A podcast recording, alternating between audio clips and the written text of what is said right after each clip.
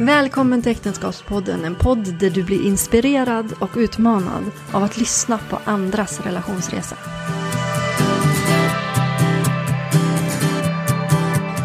Hej och jätte, jätte välkomna till Äktenskapspodden. Idag har vi Anna och Danne. Kallar man det Danne? Ja, Eller hur? Eller det är det är Daniel. bara när någon är arg på mig som någon säger Daniel. Okej, Annars är det Danne. Då säger vi Danne. Danne. Så länge vi inte är arga. Välkomna. Tack. Hur mår ni? Vi mår bra.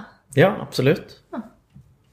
Strålande. Vi sitter här i ert fina, fina hus. Ja, tack.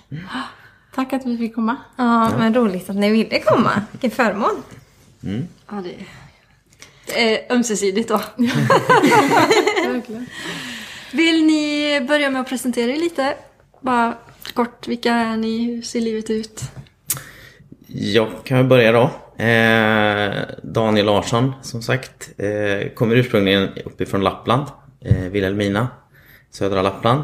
Eh, flyttade därifrån när jag träffade Anna. eh, och eh, har bott i Göteborg sedan 2006. Vi eh, har ju fyra fantastiska härliga barn. Eh, och eh, jag jobbar på SJ med kvalitet och utveckling och rapportering. Lite sånt. Och jag heter då Anna och eh, är gift med Daniel sedan 19, snart 20 år tillbaka. Eh, och vi har fyra döttrar då. Eh, jag kommer från Mellerud ursprungligen. Bodde i Stockholm i några år och det var då jag träffade Danne. Och fick han att flytta, lämna Norrland för storstan. Och Var det, var det jobbigt? Alltså var du så här inbiten norrlänning liksom? Nej, Nej. eh, jag var faktiskt eh, på väg att flytta från Vilhelmina redan innan. Men då flyttade jag till Australien. För jag hade eh, bestämt mig för att gå, eh, gå på Hillsong College eh, redan innan. Men eh, i och med att jag träffade Anna så blev inte det av då. Utan då eh, stannade jag i Stockholm några år och sen åkte vi istället tillsammans 2004. Så att eh, när vi hade varit gifta i... Två år. Eh, ja, nästan Två år. Nästan två. Ett och ett halvt. Hur, hur träffades ni då? Hur, varför blev det ni? Eh, ja, Ida då, Dannes syster och jag var bästa vänner. Och hade hand om lovsången i den kyrkan vi var med då. Eh, så hon skulle gifta sig. Och eh, vi var ute och gick en promenad eh, en dag och hon pratade om sitt bröllop och alla planer. Och då så utbrast jag bara, jag vill också gifta mig! Och då så sa hon, jag tycker du ska gifta dig med min bror. Bara sådär. Ja, hon hade gått och gnagt på det i två års tid. Men för länge! Ja, Alltså, vi hur var kunde hon jättenära hålla vänner. på Hon det hade, så hon länge? hade sagt någonting. Vi hade en, det var faktiskt, vi hade en, en eh, vad hette han nu då? På bibelskolan? Tim Story. Tim Story, om ni minns han. Han tog upp och profeterade över mig om min blivande man. Och då satt Ida där och tänkte, det är ju Danne. Hon gick hem och berättade det för Simon. Vad tror du om Anna och Danne? Och då hade han sagt i profetian då att eh, ni kommer inte träffas på ett par års tid. Så hon gick väl och höll på den där lilla nöten tills det var rätt timing. Och det var det ju verkligen. Så vi träffades på deras bröllop. Och eh, det var liksom så här, Ida är ju, från att hon sa det till mig så var hon inte jättebra på att hålla tyst om det. Så hon berättade det för Danne, hon berättade det för mormor, hon berättade det för våra vänner. Så det var ju verkligen så här när Danne kom in i rummet då kvällen innan bröllopet och vi stod och dukade där i bröllopslokalen så var det som att rummet tystnade och alla så här, kan det bli något? Kan det bli något?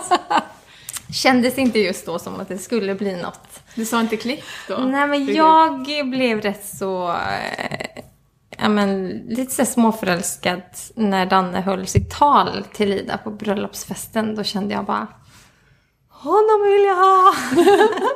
Jättelöjligt. Jag var ju däremot ganska anti då. Eftersom jag kan ju inte göra som min lilla syster säger. Nej, såklart. Eh, så att för mig så blev det tvärtom att eh, nej, det där, eh, det där kommer inte att hända. Nej. Och sen var du på väg till Australien också. Så att, men det blev ändå så. Ja, Så vi Ja, men vi tänkte väl lite på varann och kunde liksom inte riktigt sluta tänka på varann. Och sen var vi iväg på några andra vänners bröllop. Och då satt jag, Ida och Simon i samma bil och av någon anledning som jag inte minns så började de bråka om vad Danna hade för färg på sin bil. och jag bara, de blir rätt så intens och ingen ger sig när de ja, är inte överens. Så jag bara, men kan inte bara fråga han? Och då tittade Ida på mig och sa, gör det du? Och så tänkte jag, jag har inget att förlora. Så jag skickade ett sms. Och då liksom, 2002 var det då. Nej, 2001. Och skrev, hej, sitter i bilen med Ida och Simon och de har börjat bråka om vad du har för färg på din bil. Snälla hjälp mig, typ så. Ja. Det är alltså mitt första sms till honom. Jag visste knappt om han visste vem jag var när jag skickade smset. eh, och då svarar Danne, vad tror de? Och då skrev jag, Ida tror svart, Simon tror mörkgrön och för mig spelar det ingen roll. och sen då som det var på den tiden så bröts ju teckningen. Ja. Och det var Andreas eh, och Elins bröllop, Nilsson om ni minns mm. dem. Mm. Och det var det absolut längsta bröllop vi har varit på. Så jag tror vid fyra tiden på morgonen när vi åkte därifrån, då kl liksom klingade det till i i mobilen. Och sen så blev det att vi fortsatte att ringa varandra sen. Okay. Dagen efter. Ja, det var att vi fortsatte smsa. Ja. Och jag är ingen sms-människa. Mm. Så att till slut så kände jag att jag orkar inte hålla på och smsa. Nej, det ringde. så jag ringde istället. Och då pratade vi fyra timmar. Ja. Oh, wow. Bara en liten, vad var det för färg på bilen? Den var svart. Den var svart. svart Ida hade alltså rätt. Ida hade rätt. Mm. Stackars Simon.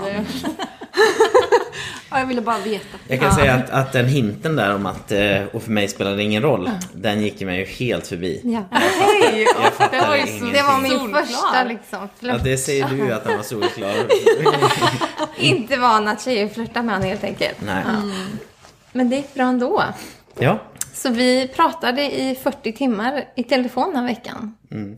Oj, jag blev liksom Ni hade inget annat liv? Nej, vi jobbade då 40 timmar också var.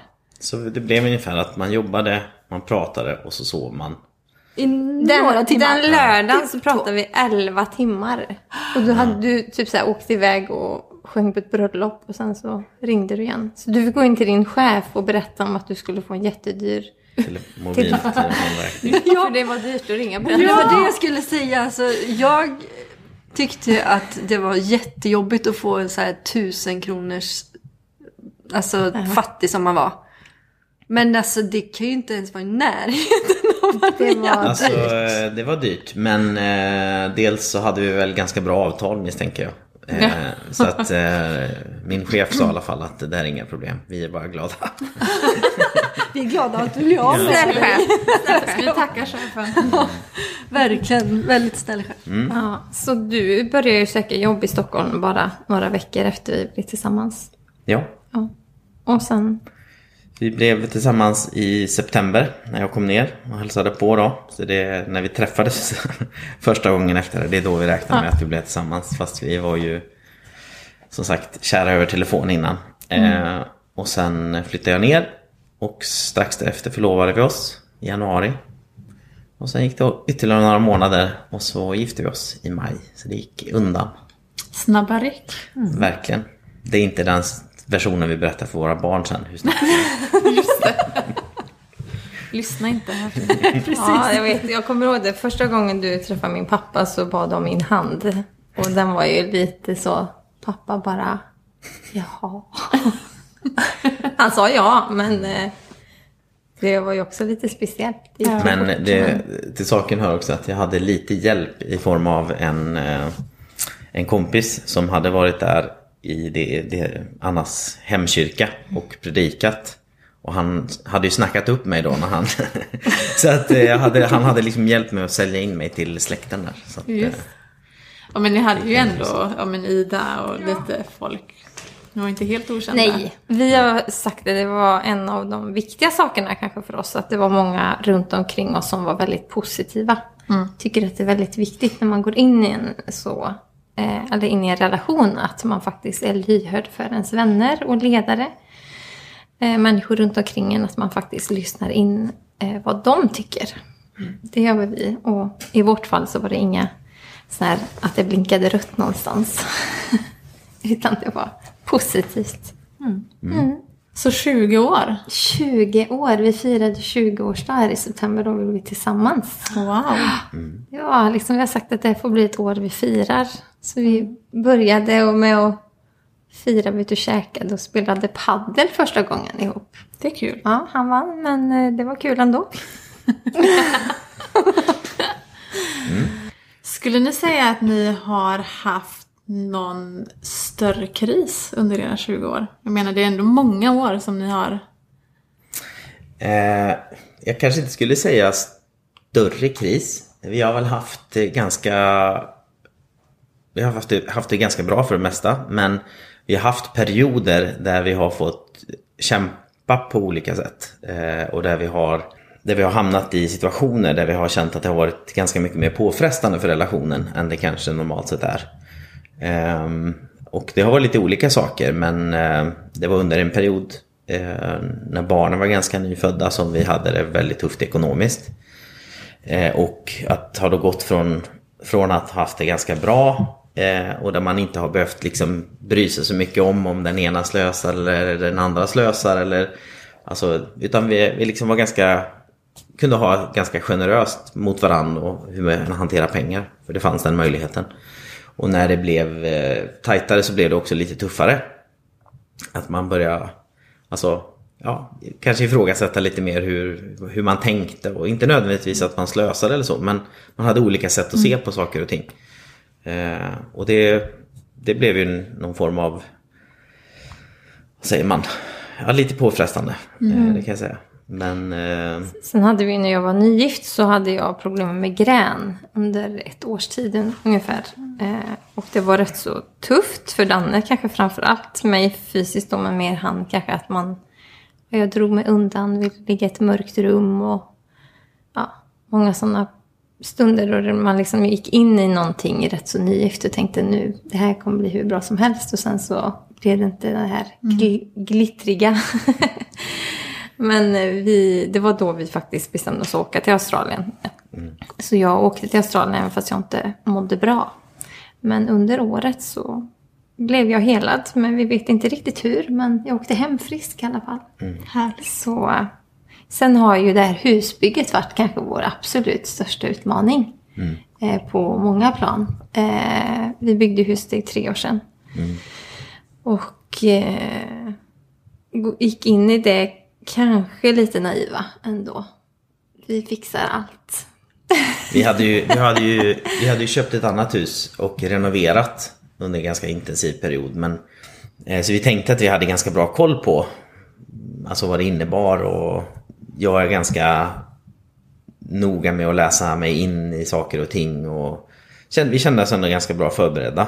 Eh, Men det vi inte riktigt var beredda på det var väl kanske eh, att när man bygger ett hus, som vi då har gjort, att vi har ritat det själva. Vi har, jag har hållit i alla kontakter med snickare, med husfabrikör, med allting. Alltså, vi, har, vi har hållit ihop allting själva. Eh, plus att vi har jobbat väldigt mycket själva. Eh, så blir det också påfrestning på ett sätt som vi kanske inte hade förutsett. Och då, jag skulle egentligen säga att det handlar kanske framförallt om alla beslut.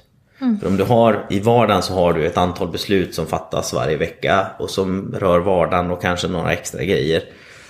Och varje beslut som ska fattas är ju en, en, en möjlighet till konflikt i form av att man har olika syn på saker och ting, man har olika information och det eh, kan skapa liksom friktion. Men så ofantligt många beslut som vi var tvungna att fatta hela tiden genom det här bygget gjorde ju att eh, det fanns ännu fler sådana möjligheter till, till friktion och konflikt. Eh, plus att vi båda körde stenhårt med eh, att jobba.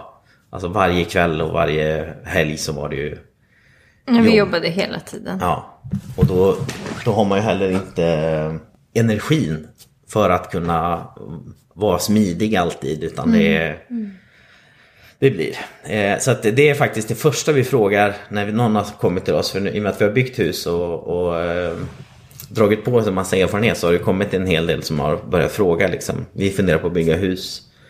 Vad har ni för tips? Och alltid när de frågar det så säger vi Har ni, en, har ni ett stabilt äktenskap? Det är första det var första frågan. till alla. Bra fråga. För att eh, ja, dels är det ju att man har sett, vi har ju i och för sig känt oss ganska duktiga när man har sett på sådana här program som Husdrömmar och så. När man ser då folk som drar över budget och, och det är relationer som går sönder, vilket är ju tragiskt. Men när man väl har kommit igenom det så känns det som att men vi, vi har nog hanterat det ändå hyfsat. Vi är Men- styrkta i det är vi absolut. Men det har varit en väldigt utmanande resa.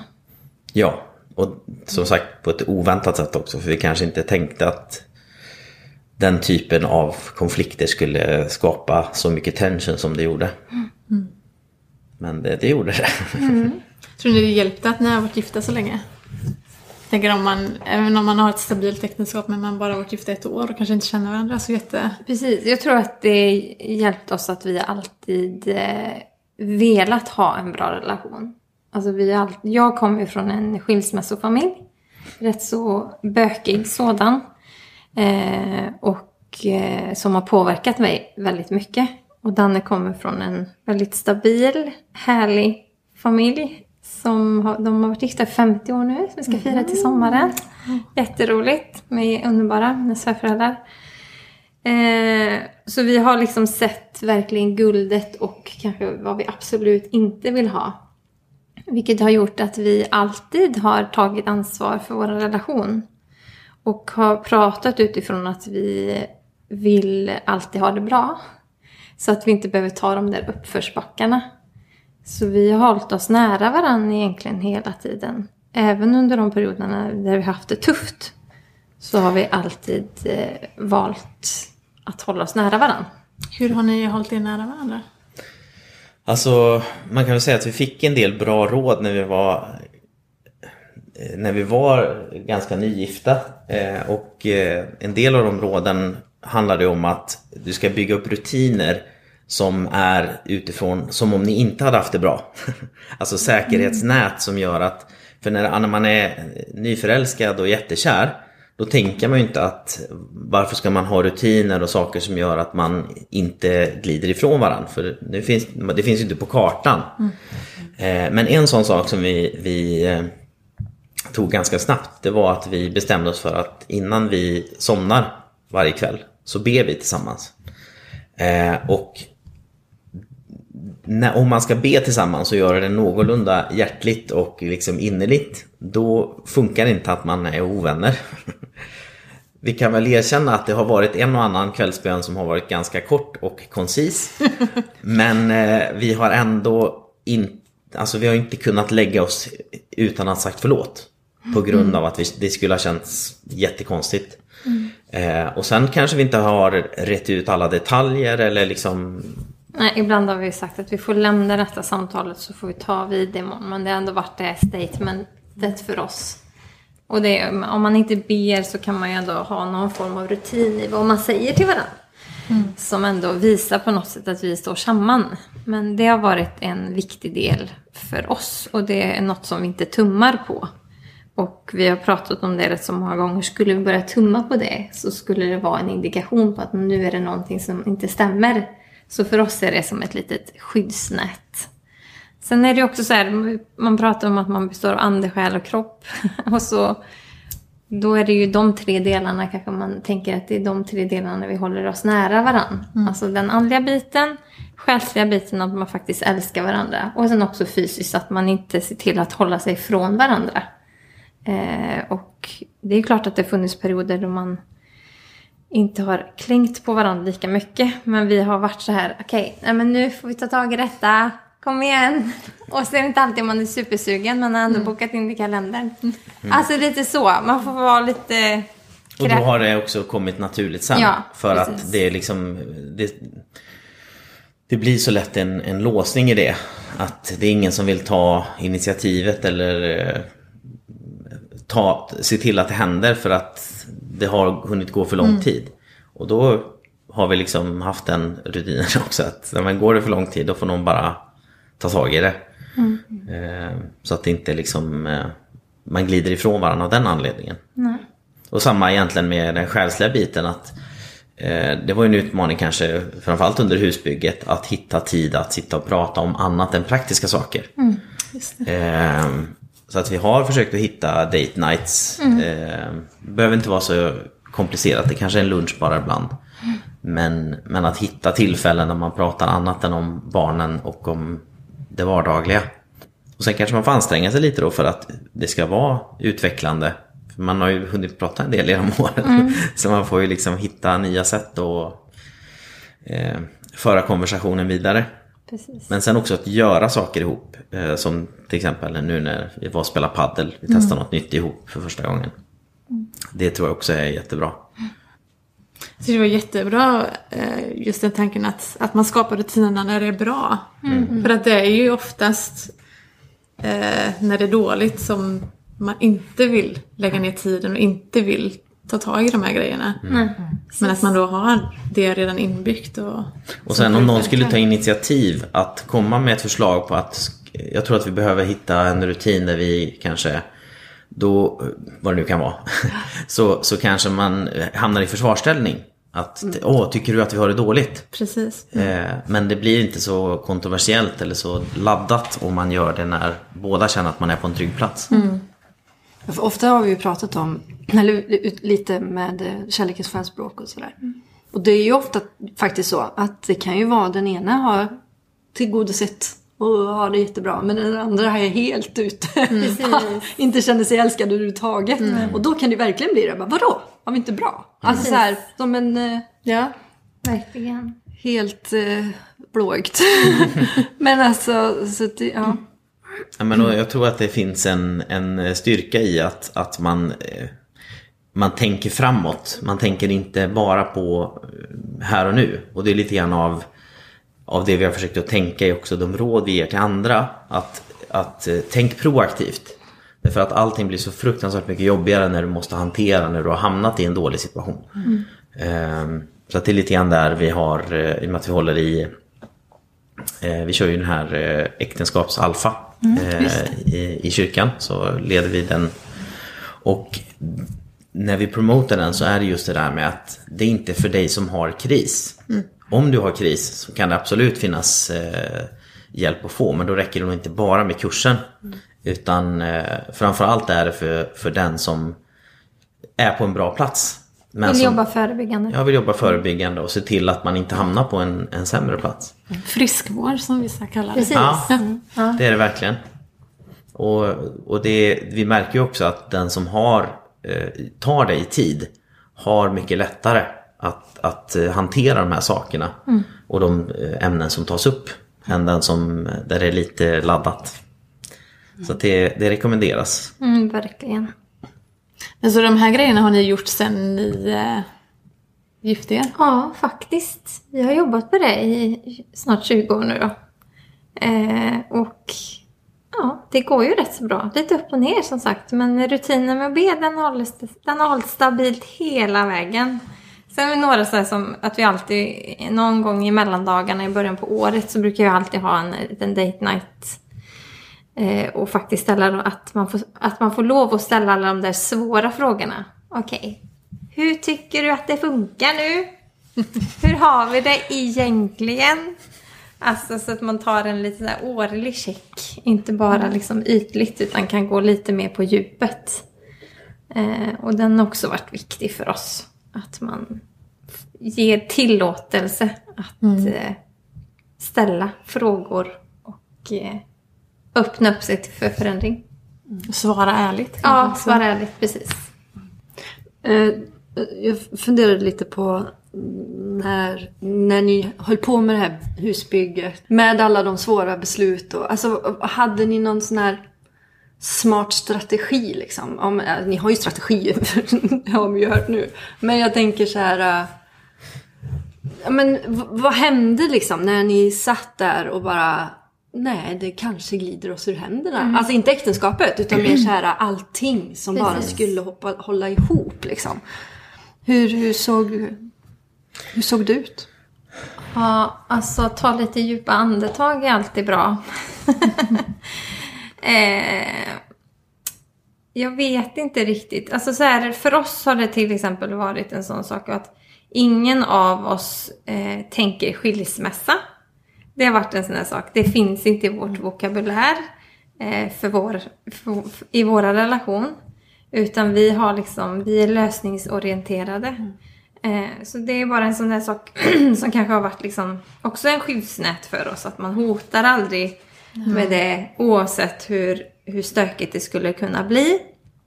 Utan att vi har valt varandra eh, och det har vi gjort för alltid. Eh, och det är också, jag tror att det är är viktigt också för ens tankar. Eh, att man tänker aldrig de tan- tankarna. För så fort man börjar tänka sådana tankar så släpper man också in dörren för andra saker. Så bra. Ehm, Men eh, så det har varit liksom en, sky- ett skydd kanske. Att vi aldrig försvunnit dit i tanken. Att och han kommer lämna mig eller hon kommer lämna mig. Eller, eh, utan att vi alltid varit så här att vi, vi löser det tillsammans. Eh, men när det var som tuffast så eh, att be människor om hjälp. Eh, praktisk hjälp. Eh, att man liksom säger, vi är rätt så dåliga på det. Vi är ofta de som hjälper. Men då under en period att vi faktiskt vågade be våra vänner om hjälp. Eh, både med barn, laga mat, komma hit och liksom praktiskt faktiskt hjälpa oss. Vilket var ju både praktiskt självklart hjälpande men också kanske känslomässigt. Att man inte känner sig ensam då. Eh, det var ju en sån sak som vi var tvungna liksom och så här, kanske lite stolt som man är att vi ska minsann klara detta. Faktiskt, okej. jag kan inte gå stolt igenom detta utan jag behöver mina eh, vänner. Eh, så det var ju en sån sak. Något du tänker på? Nej, alltså jag har Dels är jag inte bra på att komma ihåg men eh, Ett tag så kändes det, jag har ju sån här, jag har ju, åker ju, gillar att åka längdskidor Och då finns det ett klassiskt citat från Mattias Fredriksson när han beskriver hur det är att gå upp för första backen Eller eh, i eh, Tour de Ski, den här sista slalombacken som de ska upp för och han förklarar hur, hur det känns, han, han säger kliv, kliv, överlev det är liksom, och lite grann så var det, var det ett tag. Att det var liksom inte, vi måste bara igenom det här. Eh, vi, får, vi, får reda ut, vi får reda ut allting sen om, om vi kände att det hade blivit eh, sår och liksom sådana saker. Men nu måste vi bara igenom. Därför För att, barnens skull och... Ja, och att, att i vissa fall kanske det hade, hade varit bra att ta i vissa saker där och då. Men det kräver också energi. Och det var liksom också en medveten strategi att en sak i taget. Och liksom, eftersom vi hade den här grundtryggheten att ingen kommer att lämna. Ingen kommer att, att säga att eh, tack och hej nu drar jag. Eh, så var det också lite grann att då kände man tryggheten att vi kan bara skjuta på vissa saker. Inte lämna dem, begrava dem, men bara skjuta dem lite grann framåt. Men sen också som vi gjorde, eller som vi ändå har gjort genom åren, är att ibland så kan man ju känna sig besviken på den andra. För att man har hamnat i den här situationen. Att man kan tycka att, amen, du var mer drivande i det här. Och även om man känner en besvikelse så har vi ändå tillåtit varandra att gråta i varandras famn. Eller det är mest jag som gråter i vårt äktenskap. Jag har gråtit i Dannes famn. Även fast man kan ha känt sig besviken på varandra. Mm. Och där, att ibland kunna boxa in saker i olika, olika boxar. Eh, för, åh, det är kanske svårt att förstå hur jag tänker när jag uttrycker mig. Men man kan känna besvikelse över en person men ändå vara i hans famn. Eh, och så har ju, tycker jag vi har gjort. Eller hur? Ja. Ja. Man kan vara arg och upprörd. Alltså det, det faller ju tillbaka på sån här grundtryggheten. Att, att bara för att jag är arg på dig eller bara för att jag är besviken på dig så betyder det inte att jag har slutat älska dig. Precis. Eh, Det är liksom inte... eh, faller egentligen tillbaka på hur man ser på kärlek. Att eh, är det en känsla eller ett beslut? Eh, och där har ju vi ganska tydliga med att, att kärleken är ett, ett beslut, ett viljebeslut. Och sen följer känslorna efter. Såklart börjar det ju med känslor i det här fallet också. Eh, men jag tror att det är viktigt att man väl är där så märker man att det beslutet gör att känslorna går upp och ner. Men har du tagit beslutet så följer känslorna efter till slut. Det, de kan liksom inte bara tryckas undan.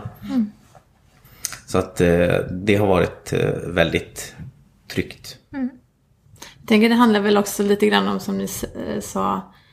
Ja, men man kan vara besviken men man älskar ändå den personen. Den personen är ändå den som jag går till. Jag öppnar inte upp och går till andra för mycket utan det är fortfarande min äkta hälft som, som man ändå...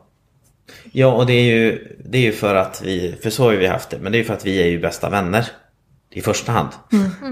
Det, är- det är ju ingen som, som jag har som jag delar djupare med eller saker som jag känner att det här tar jag med någon annan, inte med Anna, utan det är ju, vi delar ju med varann.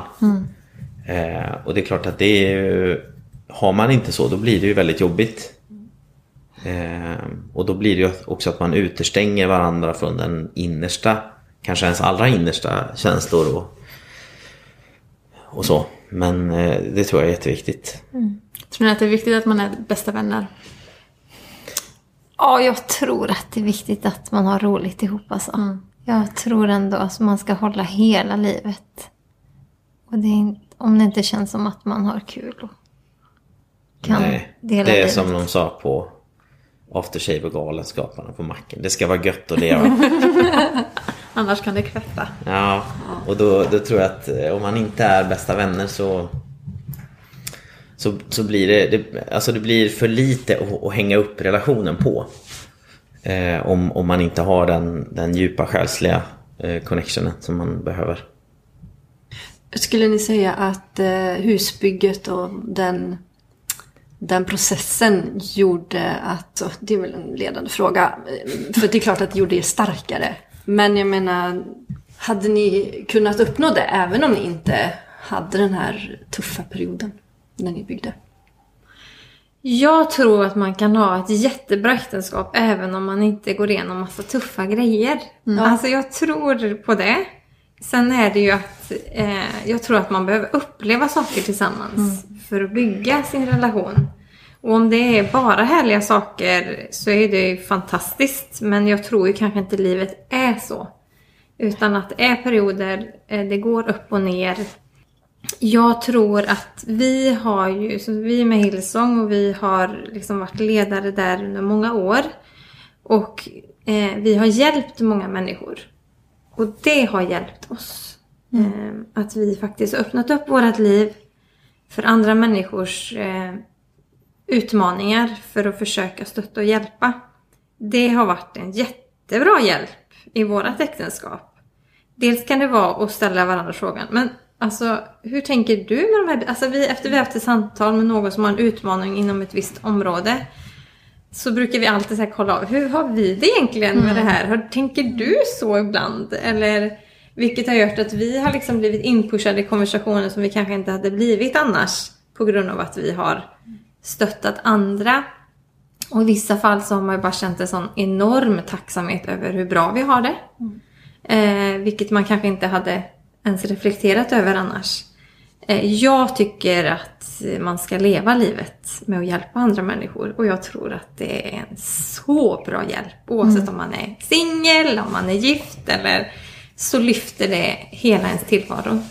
Eh, jag har sett det så många gånger att när man har gått igenom tuffa perioder pe- själv, öppnat upp sitt liv för att hjälpa någon som har det tufft, så har det hjälpt mig. Alltså det, det är liksom på något sätt en eh, livssanning. Sen är ju inte alla, om vi pratar husprojektet då, så är ju inte alla erfarenheter heller Alltså, man, ibland så låter det lite grann som att Ja det här, det här var, det var inte vad vi ville men nu, nu det, har, det har gett oss otroligt mycket. Jag skulle säga att alla erfarenheter är inte bra erfarenheter. Därför att när du har en, en, en situation där du har mycket konflikter så blir det också mycket sår. Eh, och även om du lär dig någonting av, av varje konflikt och varje situation, du lär dig om dig själv och man lär sig om varandra. Så skapar det också en del sår. Eh, nu kanske inte vi hade några jättedjupa sår men, men man be- behöver vara medveten om det. Att, Att även om man tar sig igenom så är, så är det, och har fått en massa erfarenhet så är ändå inte allt av, av godo. Nej, det är sant. Så att eh, man, jag tror också att man, man, ju mer man jobbar förebyggande och ju smartare man är i alla typer av situationer man tar sig an desto mer, har, bättre förutsättningar har man att ta sig ur helskinnad. Hade ni gjort det igen?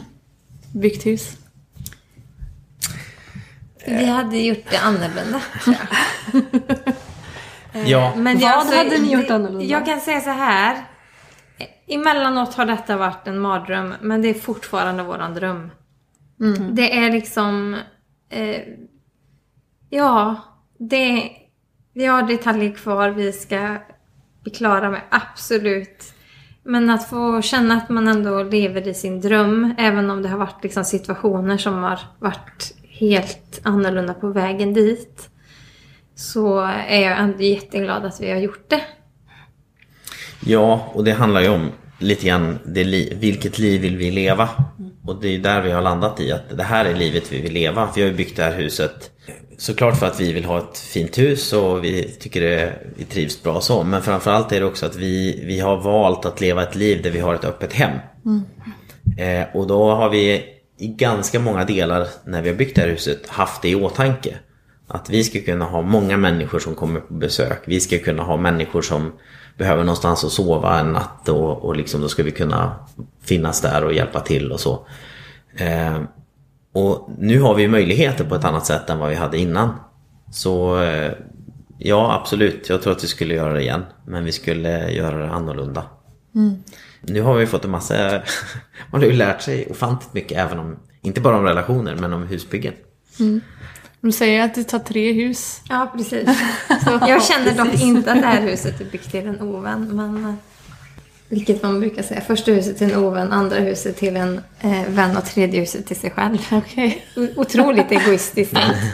men eh, jag tror inte att vi kommer bygga tre hus alltså. Nej. Jag tror inte vi kommer att bygga några fler hus. Men eh, kanske något fritidshus eller så. Sommarställe kanske. Om man Ja. får drömma stort. Det får man ju. Det får man, absolut. Ni har, eh, som du sa, fyra, fyra flickor.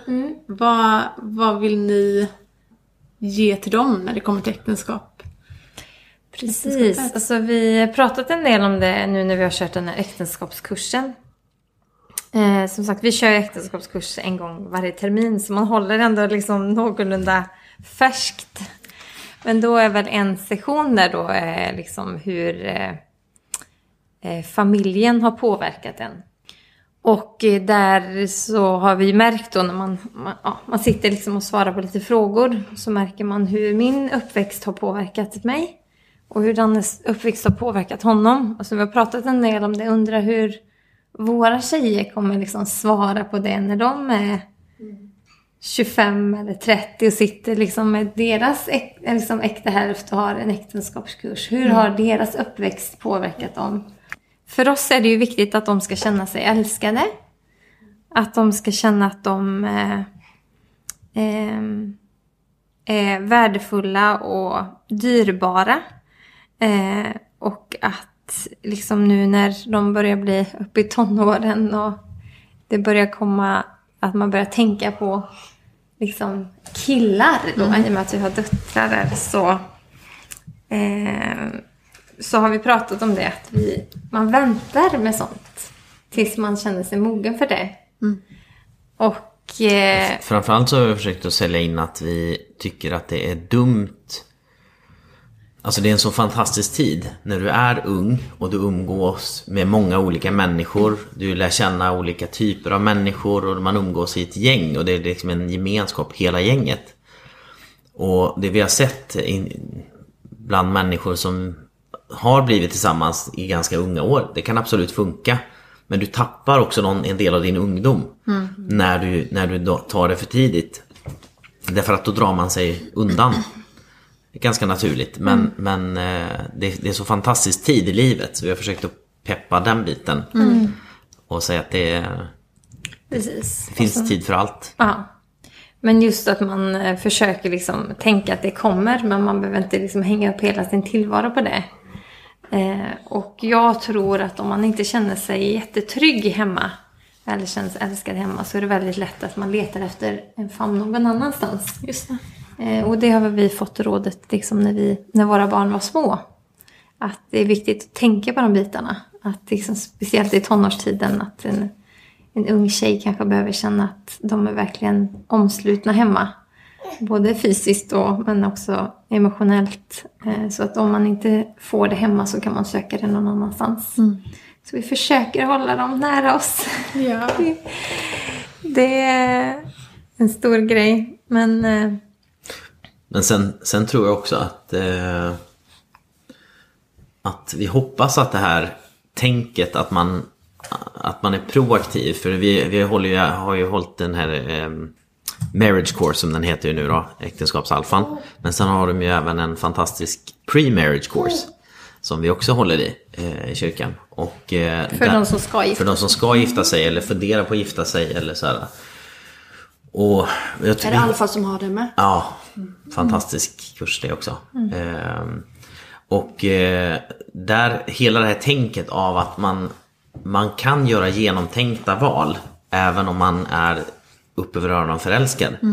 Eh, att det finns, det finns eh, sätt och metoder att faktiskt ta sig an livet på ett lite mera proaktivt och, och eh, förebyggande sätt.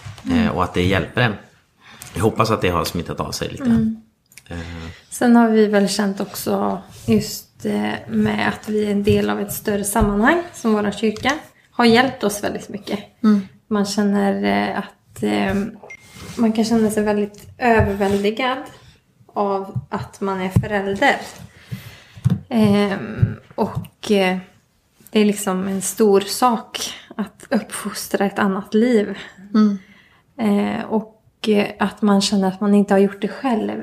Utan att vi ändå har känt att vår kyrka har hjälpt oss att våra barn har förebilder hela vägen.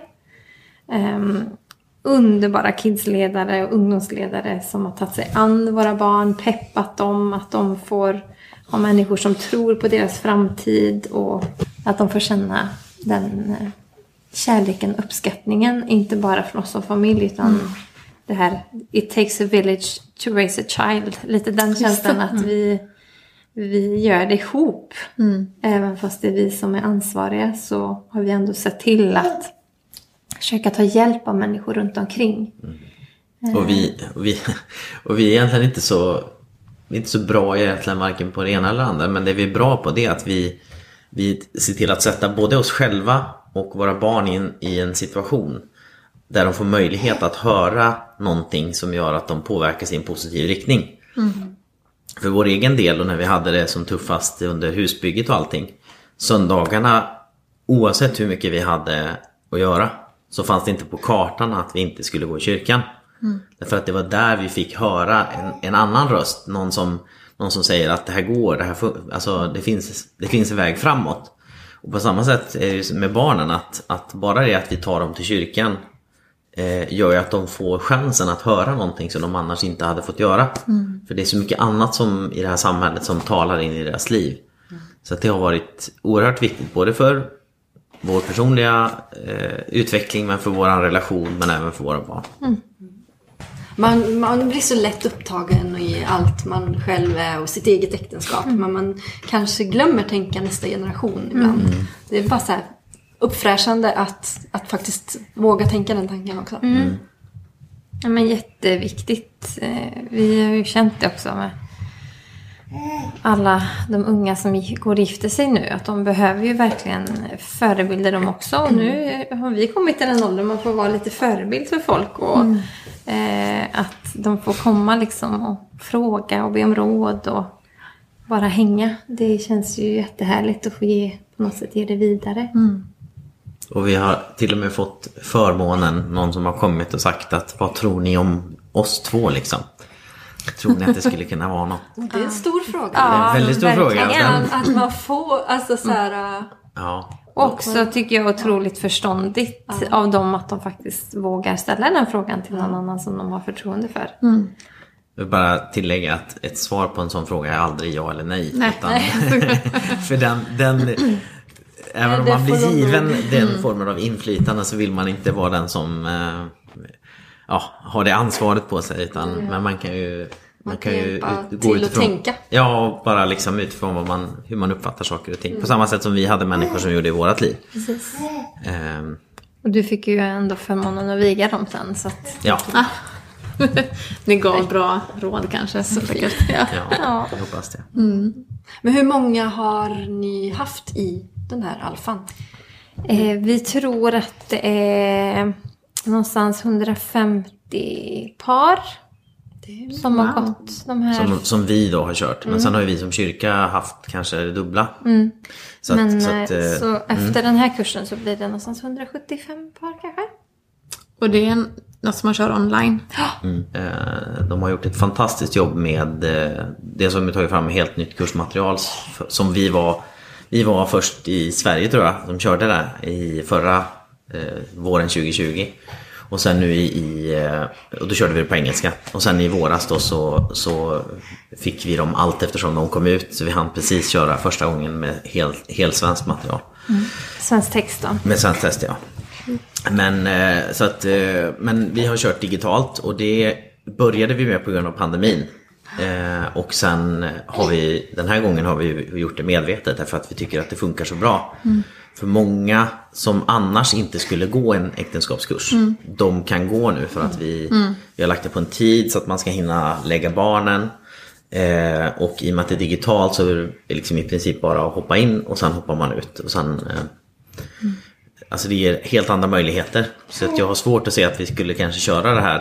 Eh, ja, någon gång kanske vi gör- kör det fysiskt eller kombinerar med någon samling fysiskt och, och så. Men Avslutningsfest kanske. ja, Nej men det är jättebra material och man behöver verkligen inte vara kristen för att gå det. Utan det är verkligen bara en hälsocheck. Sen är det kopplat till våran kyrka.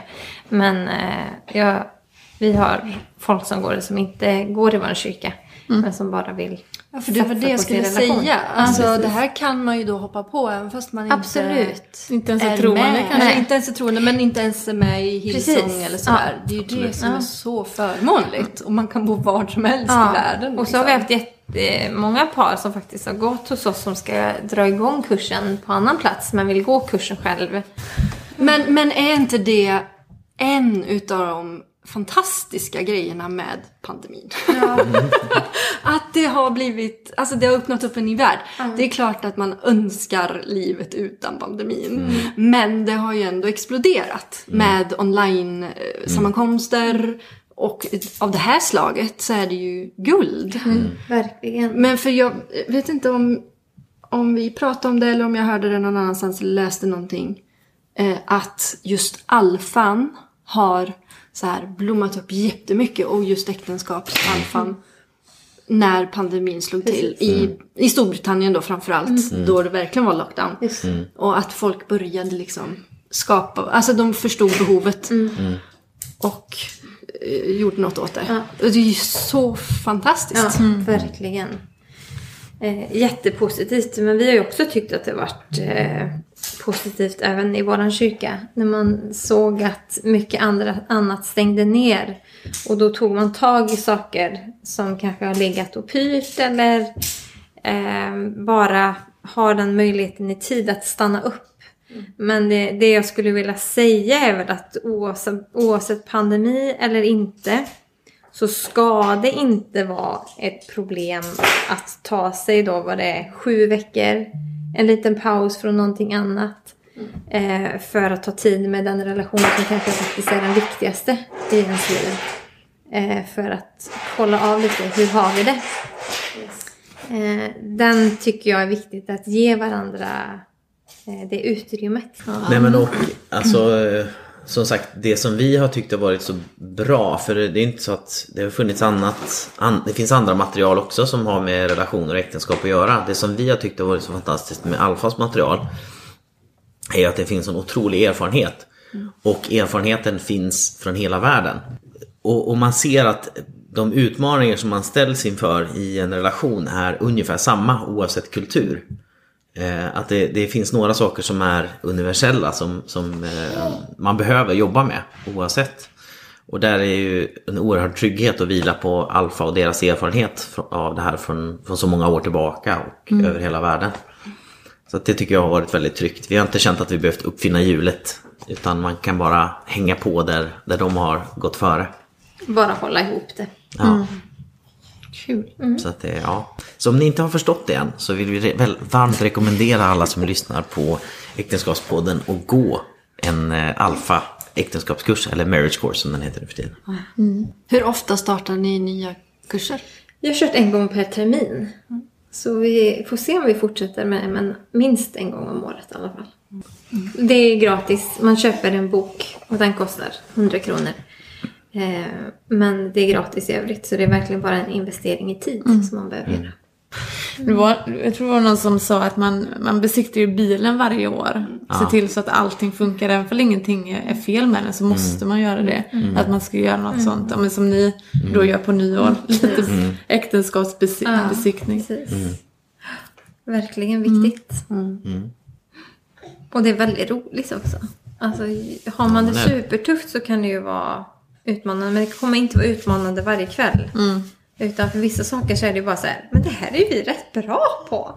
Det här har inte vi några, då blir det liksom så här, oh, man. grymma vi är. Eh, att få känna den känslan också. Eh, som är helt Ja, det, övertygad. det, det kan vara, om man har det väldigt tufft och så ser man att ja, men det området har vi i alla fall inga bekymmer på. kan det också vara en uppmuntran. Ja, vad härligt. Tycker ni att vi ska avslöja, avslöja, avsluta med våran ständiga fråga? Ja. Det gör vi. spännande. Det här, ja. Vad är det? Vad är det bästa med Danne, Anna? Och vad är det bästa med Anna? Vem Har du det på tungan? först? Ja, alltså det bästa med Anna är ju... eh, Alltså hon är ju en så otroligt generös och eh, alltså utgivande människa. Det finns ju nästan inte... Jag tror inte det finns någon vecka där hon inte har uppmuntrat eller eh, peppat eller... Eh, alltså gjort någonting för någon annan. Eh, och det är en oerhört vacker egenskap. Att, att leva det livet och oftast tänker hon nog inte ens på det själv. Utan hon peppar och pushar och uppmuntrar både inom familjen och utanför familjen. Jag blir lite rörd. Dannes, eh, eller kanske som jag uppskattar absolut mest, är hur trygg han får att känna mig. Eh, att jag eh, alltid känner mig älskad och att jag alltid känner mig trygg som person hemma hos honom, i hans famn. Eh, med tanke på var man kommer ifrån så trodde jag inte det. Men eh, på det sättet känner jag att jag är så tacksam att jag får verkligen leva i en dröm. På det sättet. Det är nog det bästa. En väldigt bra pappa också, trots hans dåliga pappaskämt. Okej, sluta med ett bra, dåligt pappaskämt då. Har du något lager? Det, alltså, det är sånt som kommer på spontant Ja, Emma. Man det kan liksom- inte det säga det inget- på beställning. Nej, det är inte riktigt... Men den, den som de ojar sig mest över är ju, Det finns ju ändå en om grisen. Ja, men det är fortfarande... Ja, jag dra den. Men det är fortfarande situationen. Därför att ett bra pappaskämt, det måste komma när de som minst uppskattar det. Inte som minst anar det. Nej, minst nej uppskattar utan, utan det, om man inte får en eye roll, då har man misslyckats. eh, så helst ska man dra ett pappaskämt som de redan har hört en massa gånger och som de bara, när man har dragit det så säger man alltså pappa. så att, eh, Den får du ändå rätt så många gånger i veckan. ja, ja. Och då lyckas du då? det bär jag med stolthet. Härligt. Härligt. Nej. Jättetack. Ja men så kul! Eh, Superfint att få vara här och Mm. lyssna och prata med er. Så Jättekul. mycket visdom samlat. Någonting kanske vi kan få förmedla. Ja, det tycker jag verkligen. Stort tack. Tack. Tack så mycket. Tusen tack att du har lyssnat idag. Vi hoppas att du följer oss på sociala medier och lämna gärna ett omdöme om du tycker att det här är bra. Hej då!